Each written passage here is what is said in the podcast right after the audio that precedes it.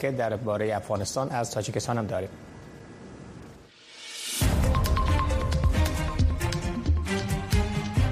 سرخط سه خبر مهم در برنامه امروز تلویزیون آشنا صدای امریکا از واشنگتن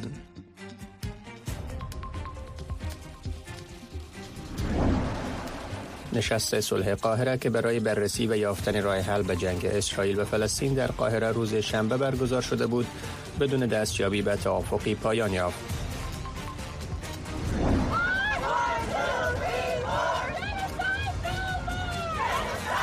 صدها تن برای تقاضا به آتش بس فوری در غزه در جاده های شهرهای مختلف امریکا روز شنبه تظاهرات برپا کردند. و شهر دوشنبه پایتخت تاجیکستان میزبان مسابقات بین المللی کرکت به مناسبت روز زبان تاجیکی است که تیم کرکت افغان شاهین نیز یکی از شرکت کنندگان این تورنمنت است.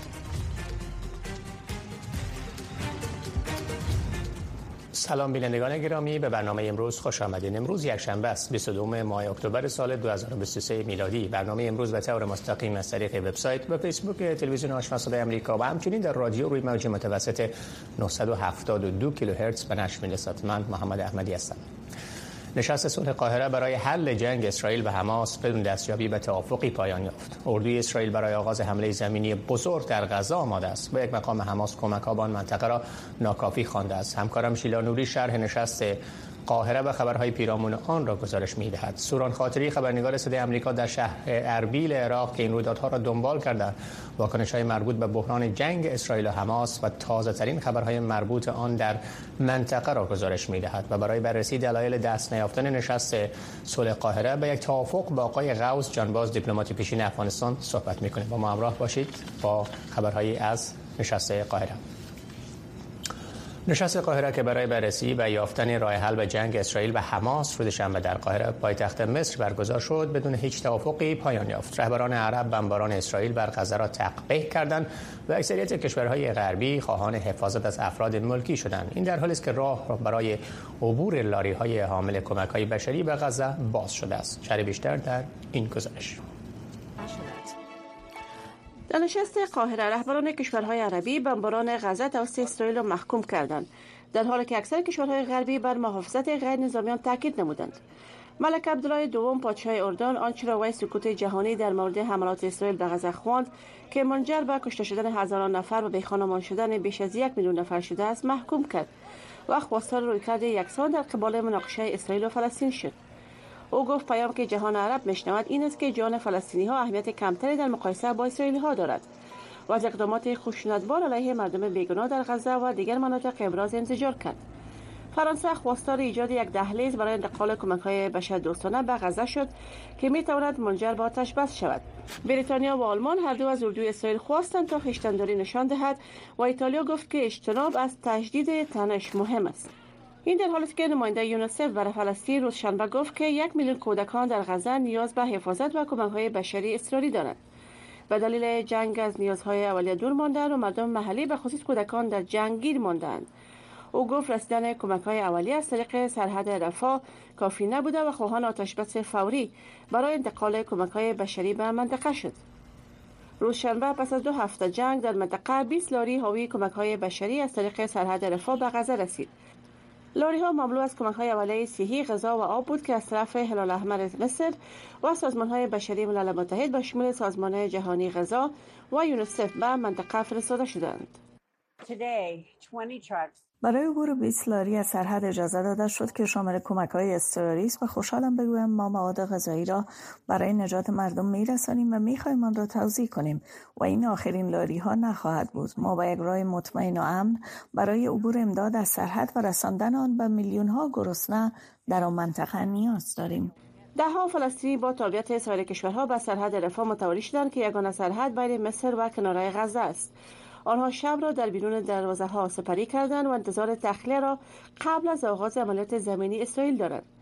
در میان این افراد دختر ده ساله سویدنی دیده می شود که با پدرش از هشت ماه بدین سو در غزه زندگی می کردند و می خواستند آنجا بمانند. اما به دلیل جنگ مجبور به ترک منطقه شدند. ما در وضعیت خطرناک قرار داریم. حملات هوایی بر سرحد ادامه دارد. دخترم شاهد مرگ کودکان زنان و افراد مسن بود. دخترم بسیار از بمباران صدمه روحی دیده و نیمه شب بیدار می شود و به کوچه می رود. برایش می گویم که نترسد. سفارت سویدن برای ما کمک می کند. شمار دیگر فلسطینی های دو ملیتی در سرحد بین مصر و غزه پناه بردند تا به زودترین فرصت منطقه را ترک کنند. پس از فرمان تخلیه اسرائیل حدود یک میلیون فلسطینی از خانه‌هایشان متواری شدند. مصر گفته است که فلسطینی ها باید در سرزمین خود باقی بمانند و تسهیلات برای بازگشایی راه برای عبور لاری های کمک های بشری فراهم شود.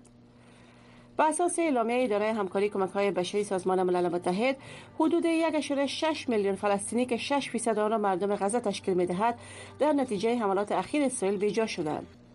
ژیلا نوری تلویزیون آشنای صدای آمریکا واشنگتن.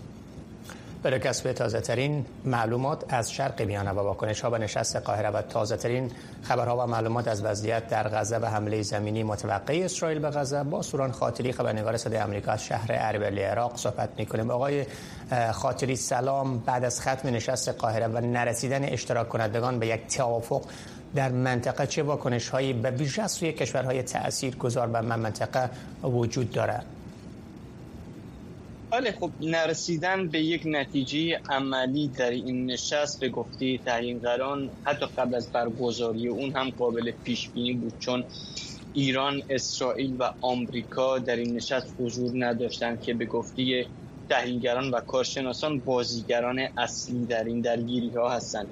یک شنبه گفتگوهای دیپلماتیک در سطح منطقه‌ای و حتی در سطح بین المللی برای رسیدن به یک راه حل به منظور کاهش درگیری ها و رسیدگی به شرایط انسانی در غزه همچنان ادامه داشت. کشورهای منطقه امیدوار هستند که بتونن راهی رو پیدا کنند که ارسال کمک بشر دوستانه به غزه مداوم ادامه داشته باشه و تا درگیری ها متوقف بشه. برخلاف این تلاش ها خب حکومت ایران امروز هم تهدید کرده که اگه حملات اسرائیل به نوار غزه متوقف نشه خب وزیر خارجه جمهوری اسلامی منطقه رو به یک بشکی باروت تشبیه کرده که قابل پیش بینی نخواهد بود. اما عملا دو نگرانی اصلی در نشست قاهره هنوز هم ظاهرا جدیتر شده. خب درگیری ها در سطح منطقه نه فقط اسرائیل و لبنان افزایش پیدا کرده.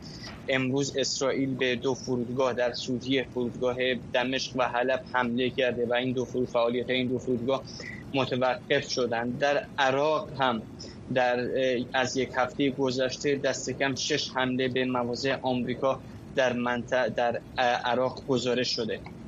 بله سوران ما تصویر شما را نداریم اما صدایتان را داریم. ادامه میتیم صحبت می‌کنیم. وضعیت در غزه و حمله زمینی متوقع اسرائیل به غزه خبرها چی است؟ الان فکر کنم تصویر من داشته باشیم بفرمایید. خب در غزه همچنان درگیری ها بین اسرائیل و شبه نظامیان فلسطینی در جریان در شمال اسرائیل هم درگیری ها بین اسرائیل و حزب الله در جنوب لبنان ادامه داره. در درگیری ها ترس میره که به کشورهای دیگر منطقه هم کشیده بشه. طبق گزارش هایی که منتشر شده حملات هوایی اسرائیل در غزه هم در شبانه روز گذشته شدیدتر بوده. اسرائیل میگه که شماری از فرماندهان حماس رو در این حملات کشته. وزارت بهداشت غزه آمار جدیدی رو از قربانیان یا کشته شدگان حملات اسرائیل منتشر کرده. به گفته وزارت بهداشت غزه که در کنترل حماسه در 24 ساعت گذشته 266 تن 6 تن در مناطق فلسطینی کشته شده اند. این نهاد شمار کشته شدگان در هفت دو هفته اخیر رو 4651 تن عنوان کرده. در رابطه با درگیری ها در شمال اسرائیل با حزب الله لبنان اسرائیل میگه که این درگیری ها رو نمی‌خواد. اما خب اگه حزب الله به گفته اسرائیل وارد این درگیری بشه اسرائیل برای شکست دادن حزب الله آماده است. بنیامین نتانیاهو نخست وزیر اسرائیل یک شنبه از نیروهای ارتش این کشور در شمال اسرائیل نزدیکی مرز لبنان دیدن کرد و گفت که اگه حزب الله وارد جنگ با اسرائیل بشه اشتباهی کرده که به قیمت نابودیش تموم میشه. در کل شرایط انسانی در غزه و حتی در اسرائیل هم وخیم گذار شده. در اسرائیل هم حکومت این کشور اعلام کرده که دویست هزار تن در دو هفته گذشته آواره شدند. بسیار خب تشکر از سوران خاطری خبرنگار صدای آمریکا در شهر اربیل عراق که تازه ترین خبرها مربوط به جنگ اسرائیل و حماس را از منطقه گزارش شدن موفق و کامیاب باشین با خبرهای بیشتر رو در روزهای آینده با شما هستیم. حال خبر. صدها تن برای تقاضا با آتش فوری در غزه در جاده های شهرهای مختلف ایالات متحده آمریکا روز شنبه تظاهرات برپا کردند. مظاهره کنندگان با حمل شعارهای فلسطین آزاد و به اهتزاز درآوردن بیرقهای فلسطینی در شهر تامپا، جکسونویل، لس آنجلس و بروکلین راهپیمایی کردند. از سوی دیگر شماری دیگر از معترضین طرفدار اسرائیل با حمل شعارها و تصاویر افراد اختطاف شده در شهر فیلادلفیا ایالت پنسیلوانیا راهپیمایی کرده و از حکومت اسرائیل خواستار اقدام فوری و بازگرداندن عزیزان شان که اختطاف شده اند گردیدند. مقام های امریکایی گفتند که حماس حدود 200 تن را بعد از حمله غافلگیرانه ایشان بر اسرائیل دو هفته قبل به گروگان گرفتند. برای بررسی دلایل دست نیافتن اشتراک کنندگان نشست صلح قاهره به یک توافق با آقای غوث جانباز دیپلمات پیشین افغانستان اکنون صحبت می‌کنیم که در برنامه از طریق اسکایپ از کانادا با ما هستند آقای غوث جانباز سلام خسته نباشین. یافتن راه حل به جنگ اسرائیل و فلسطین هدف این نشست بود. به چه دلایل عمده مقامات اشتراک کننده کشورهای جهان عرب و مقامات غربی به راه حلی دست نیافتن اختلافات اصلی روی کدام مسائل فکر می‌کنن بوده؟ سلام آقای احمدی به شما و به همه عزیزایی که ما رو می‌بینن خب از امو شروع معلوم بود که این نشست به نتیجه نمی‌تونه داشته باشه و خاطر از که تضاد نظرها کاملا متفاوت و بسیار بسیار توسعه یافته است.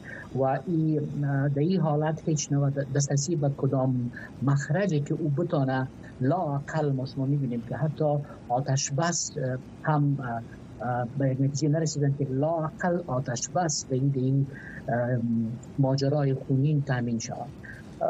چرا نشد. خب از یک طرف بازیگرای مرکزی که ایالات متحده امریکا باشه و اسرائیل باشه و در پشت پرده ایران و دیگه کشورها در اینجا حضور نداشتن.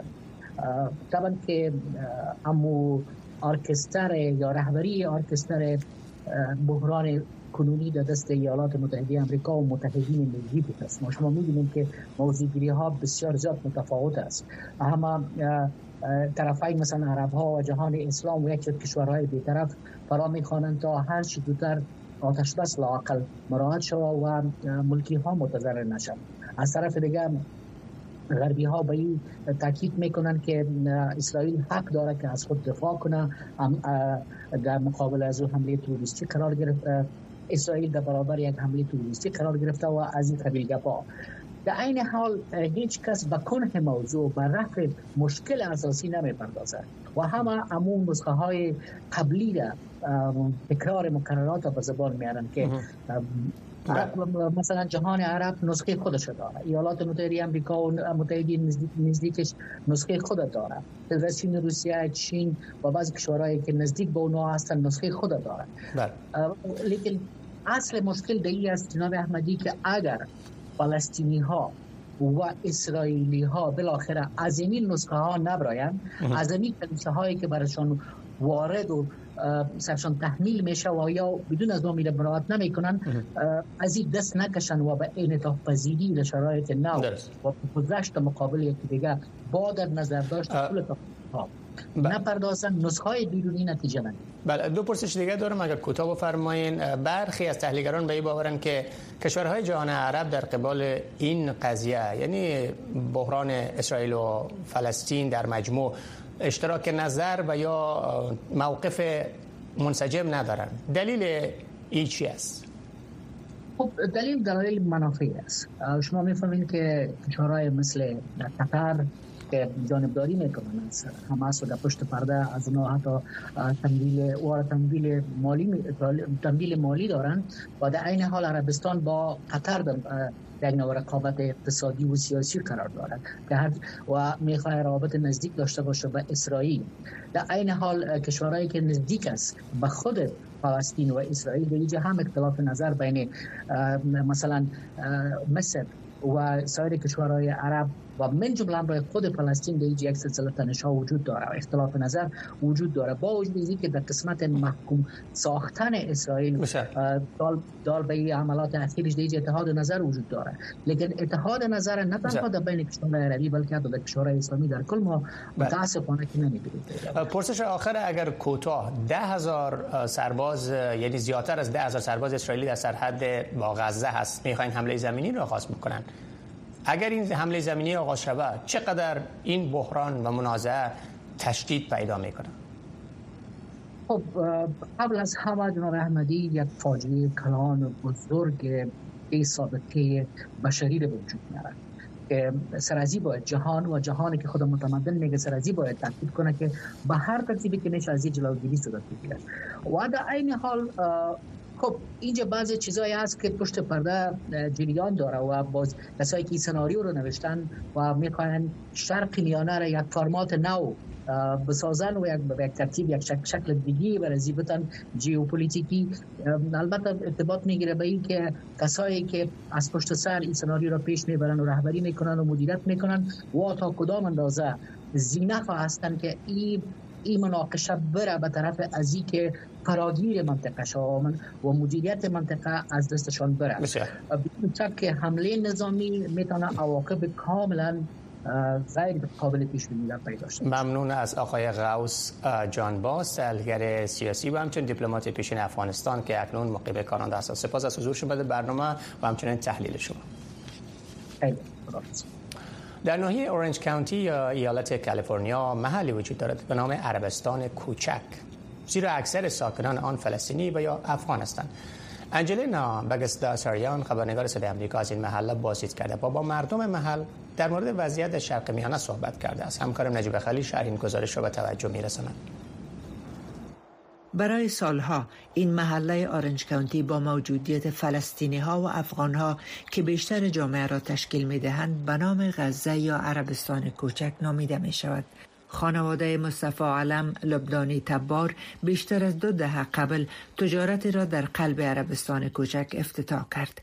امروز او و دیگر صاحبان مشاغل همکارش در حمایت از غیر نظامیان غزه بیرقهای فلسطین را برافراشتند. مصطفی می‌گوید من دوستان زیادی در اینجا دارم. آنها از غزه هستند و اکنون آنها در اینجا سکونت دارند. این بیرق نشانه آن است که ما در کنار غزه ایستاده در دهه 1990 آرنج کانتی محل برگزاری جشنواره سالانه امریکایی های عرب تبار بود. اما پس از فاجعه 11 سپتامبر جشنها به دلیل احساسات ضد مسلمانان لغو شد. مروت جوده امریکایی فلسطینی تبار می‌گوید واکنش به حمله حماس و اسرائیل او را به یاد آن دوران اینجا احساس امنیت نمی کنم. من 11 سپتامبر را باید دارم. زمانی که برادران و خواهرانم در مکتب تحت تعقیب قرار می گرفتن و تروریست خوانده می شدن و اکنون دوباره اینجا هستم با این تفاوت که نامهای بیشتری به من میدن چون نامهای مانند حیوان، حقیر، تروریست و طرفدار حماس من کار حماس را محکوم می کنم. حماس با فلسطینی ها برابر نیست و فلسطینی ها با حماس برابری نمی کنند. برای من زندگی مهم است چه زندگی اسرائیلی باشد چه زندگی فلسطینی. رشاد الدباغ فعال سیاسی کسی بود که می‌خواست عربستان کوچک نام رسمی آن محله باشد. پدرش در غزه به دنیا آمد و بعدا به همراه خانوادهش به امریکا مهاجرت کرد. او می‌گوید ما امروز اینجا مقابل دفتر کتیپورت و نماینده کانگرس جمع میشیم زیرا می‌خواهیم او علیه جنایات علیه مردم فلسطین صحبت کند ساکنان عربستان کوچک می‌گویند که به محکومیت خشونت علیه فلسطینیان ادامه خواهند داد و در این حال خواستار صلح در شرق میانه خواهند شد. پولیو هنوز هم از کودکان در افغانستان و پاکستان قربانی می‌گیرد. با وصف دسترسی گسترده به واکسین چرا ویروس پولیو در افغانستان و پاکستان محو نشده است؟ چگونه می‌توان این ویروس معیوب کننده و کشنده را محو کرد؟ مردم، عالمان دینی و دیگر گروه های اجتماعی در این راستا چه مسئولیت هایی دارند؟ ویژه برنامه صدای امریکا را به تاریخ 24 ماه اکتبر که مصادف با روز جهانی مبارزه با پولیو یا فلج کودکان است در شبکه های و دیجیتالی صدای امریکا دنبال کنید. خدمات اضطراری اوکراین ویدیویی را امروز نشر کرده که کارگران پست زخمی را نشان می‌دهد که کمک های اولیه را بعد از حمله یک میزایل بر مرکز خدمات پسته در حومه شهر خرکیف دریافت می‌کردند و طبق اظهارات مقامات محلی در آن حمله 6 نفر کشته و 14 تن زخمی شدند. خبرگزاری رویترز توانسته موقعیت و تاریخ این ویدیو را از میان های داخل ویدیوی اصلی و مطابقت آن با تصاویر آرشیو و محل گزارشدهی رویترز تصدیق کند. تمام کشتگان و زخمی های این حمله کارمندان اداره پست رسانی هستند. پلیس گفته است که این کارگران وقت پناه گرفتن نداشتند زیر زنگ خطر یک لحظه قبل از اصابت میسایل به صدا درآمد نواز شریف صدر اعظم سابق پاکستان روز شنبه بعد از سپری کردن چهار سال تبعید خودخواسته در لندن برای آغاز کمپین حزبش در انتخابات سال آینده به کشورش برگشت. این سیاستمدار 73 ساله بعد از مواصلت در شهر لاهور محل سادگاهش به هزاران تن از حامیانش در یک اجتماع شبانه سخنرانی کرد و گفت که او فقط می‌خواهد به کشورش خدمت کند و آن را شگوفان سازد. شریف از زمان اقامتش در لندن از سال 2019 برای دریافت تداوی در حالی وارد کشورش نشده بود که 14 سال محکومیت زندان را به خاطر فساد اداری سپری می‌کرد. محکومیت او همچنان باقی است اما یک محکمه روز پنجشنبه گذشته توقیف کردن مقامات حکومتی را تا روز سه‌شنبه که او در محکمه حاضر گردد منع کرد. سفر برنامه ریزی شده وانگ یی وزیر خارجه چین به واشنگتن در ماه جاری به مثابه هموار کردن راه برای ملاقات های بیشتر سطح بلند ایالات متحده و چین پنداشته بشود این تلاش ها در حال صورت می‌گیرد که واشنگتن از بیجینگ می‌خواد با استفاده از نفوذ خود در شرق میانه تشدید درگیری نظامی اسرائیل و حماس جلوگیری کند. نایک چنگ خبرنگار صدای آمریکا در این باره گزارشی را تهیه کرده است.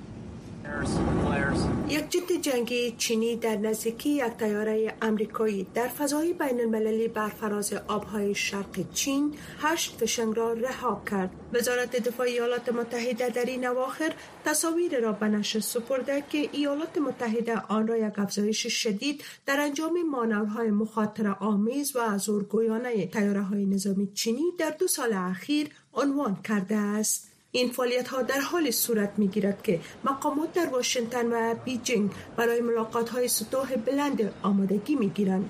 جلوگیری از یک درگیری نظامی ناشی از حوادث در میان مسائل شامل در آجندای گفتگاه های ایالات متحده با چین می باشد. سایر مسائل مهم من جمله بحران فنتانیل، جنگ روسیه در اوکراین و جنگ اسرائیل و حماس شامل این گفتگوها خواهد بود.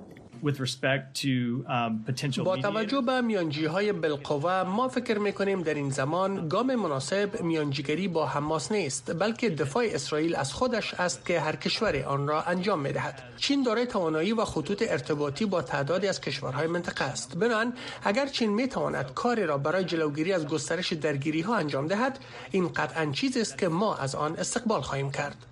یک هیئت کانگرس که در اوایل ماه جاری از بیجینگ بازدید کرد بحران فنتانیل را مستقیما با رهبری چین مطرح کرد. ما از رئیس جمهور شی می خواهیم تا برای از بین بردن سرازیر شدن ترکیبی های مواد کیمیایی که به بحران فنتانیل امریکا دامن می‌زنند با ایالات متحده کار کند. ما از رئیس جمهور شی می خواهیم که کانال ارتباطی را باز کند تا جریان ماده متشکل مواد کیمیایی فنتانیل قطع شود. ما معتقدیم که در این مورد نیاز است تا چین اقدام کند. سفر وانگ ای وزیر خارجه چین به واشنگتن پس از آن صورت خواهد گرفت که شی جین پینگ رئیس جمهوری این کشور بر همکاری بدون قید شرط کشورش با ولادیمیر پوتین رئیس جمهوری روسیه در بیجینگ تاکید کرد. مقامات امریکایی گفتند که نگران ادامه همترازی چین با روسیه می باشند و همچون نگرانی ها روابط پرتنش میان واشنگتن و بیجنگ را برملا ساخت. ما اکنون در مرحله ای از رابطه دو جانبه قرار داریم که بیاعتمادی و رقابت زیادی در آن دیده می شود. درک من این است که چینایی ها کاملا تمایلی به همکاری در مورد هر چیزی با ایالات متحده ندارند مگر اینکه چیزی به وضوح در آن برای آنها وجود داشته باشد و عبارت دیگر چینایی ها بسیار معامله گر می باشند. جک سلیوان مشاور امنیت ملی قصر سفید در پی دیدارهای ماه می و در ویانا در اواسط ماه سپتامبر با وانگ ای وزیر خارجه چین در مالتا ملاقات کرد. رویا زمانی تلویزیون آشنای صدای امریکا واشنگتن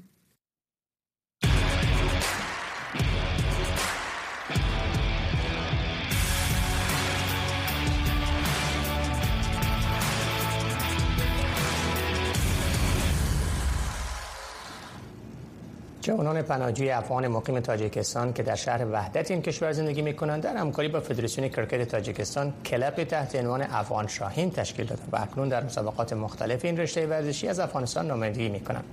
شهر دوشنبه پایتخت تاجیکستان میزبان مسابقات بین‌المللی کرکت به مناسبت روز زبان تاجیکی است که تیم کرکت افغان شاهین نیز یکی از اشتراک کنندگان این تورنمنت است.